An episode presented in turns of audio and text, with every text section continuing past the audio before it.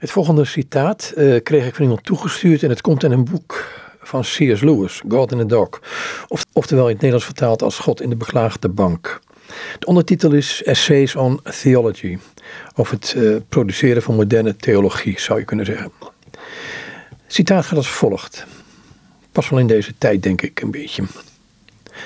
Van alle tirannie is een tirannie die oprecht wordt uitgeoefend voor het welzijn van zijn slachtoffers misschien wel de meest onderdrukkende. Het zou beter zijn onder roversbaronnen te leven dan onder almachtige morele bemoeizuchtige lichamen. De vreedheid van een roversbaron kan soms slapen.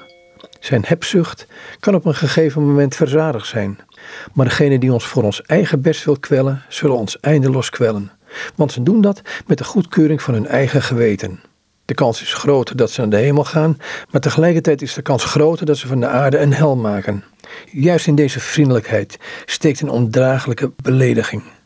Tegen iemands wil genezen en genezen worden van toestanden die we misschien niet als ziekte beschouwen, moeten worden geplaatst op het niveau van degene die de leeftijd van de reden nog niet hebben bereikt of die het nooit zullen bereiken. Te klassificeren met baby's, imbecielen en huisdieren. Anders C.S. Lewis in zijn boek God in the Dog oftewel God in de beklaagde bank.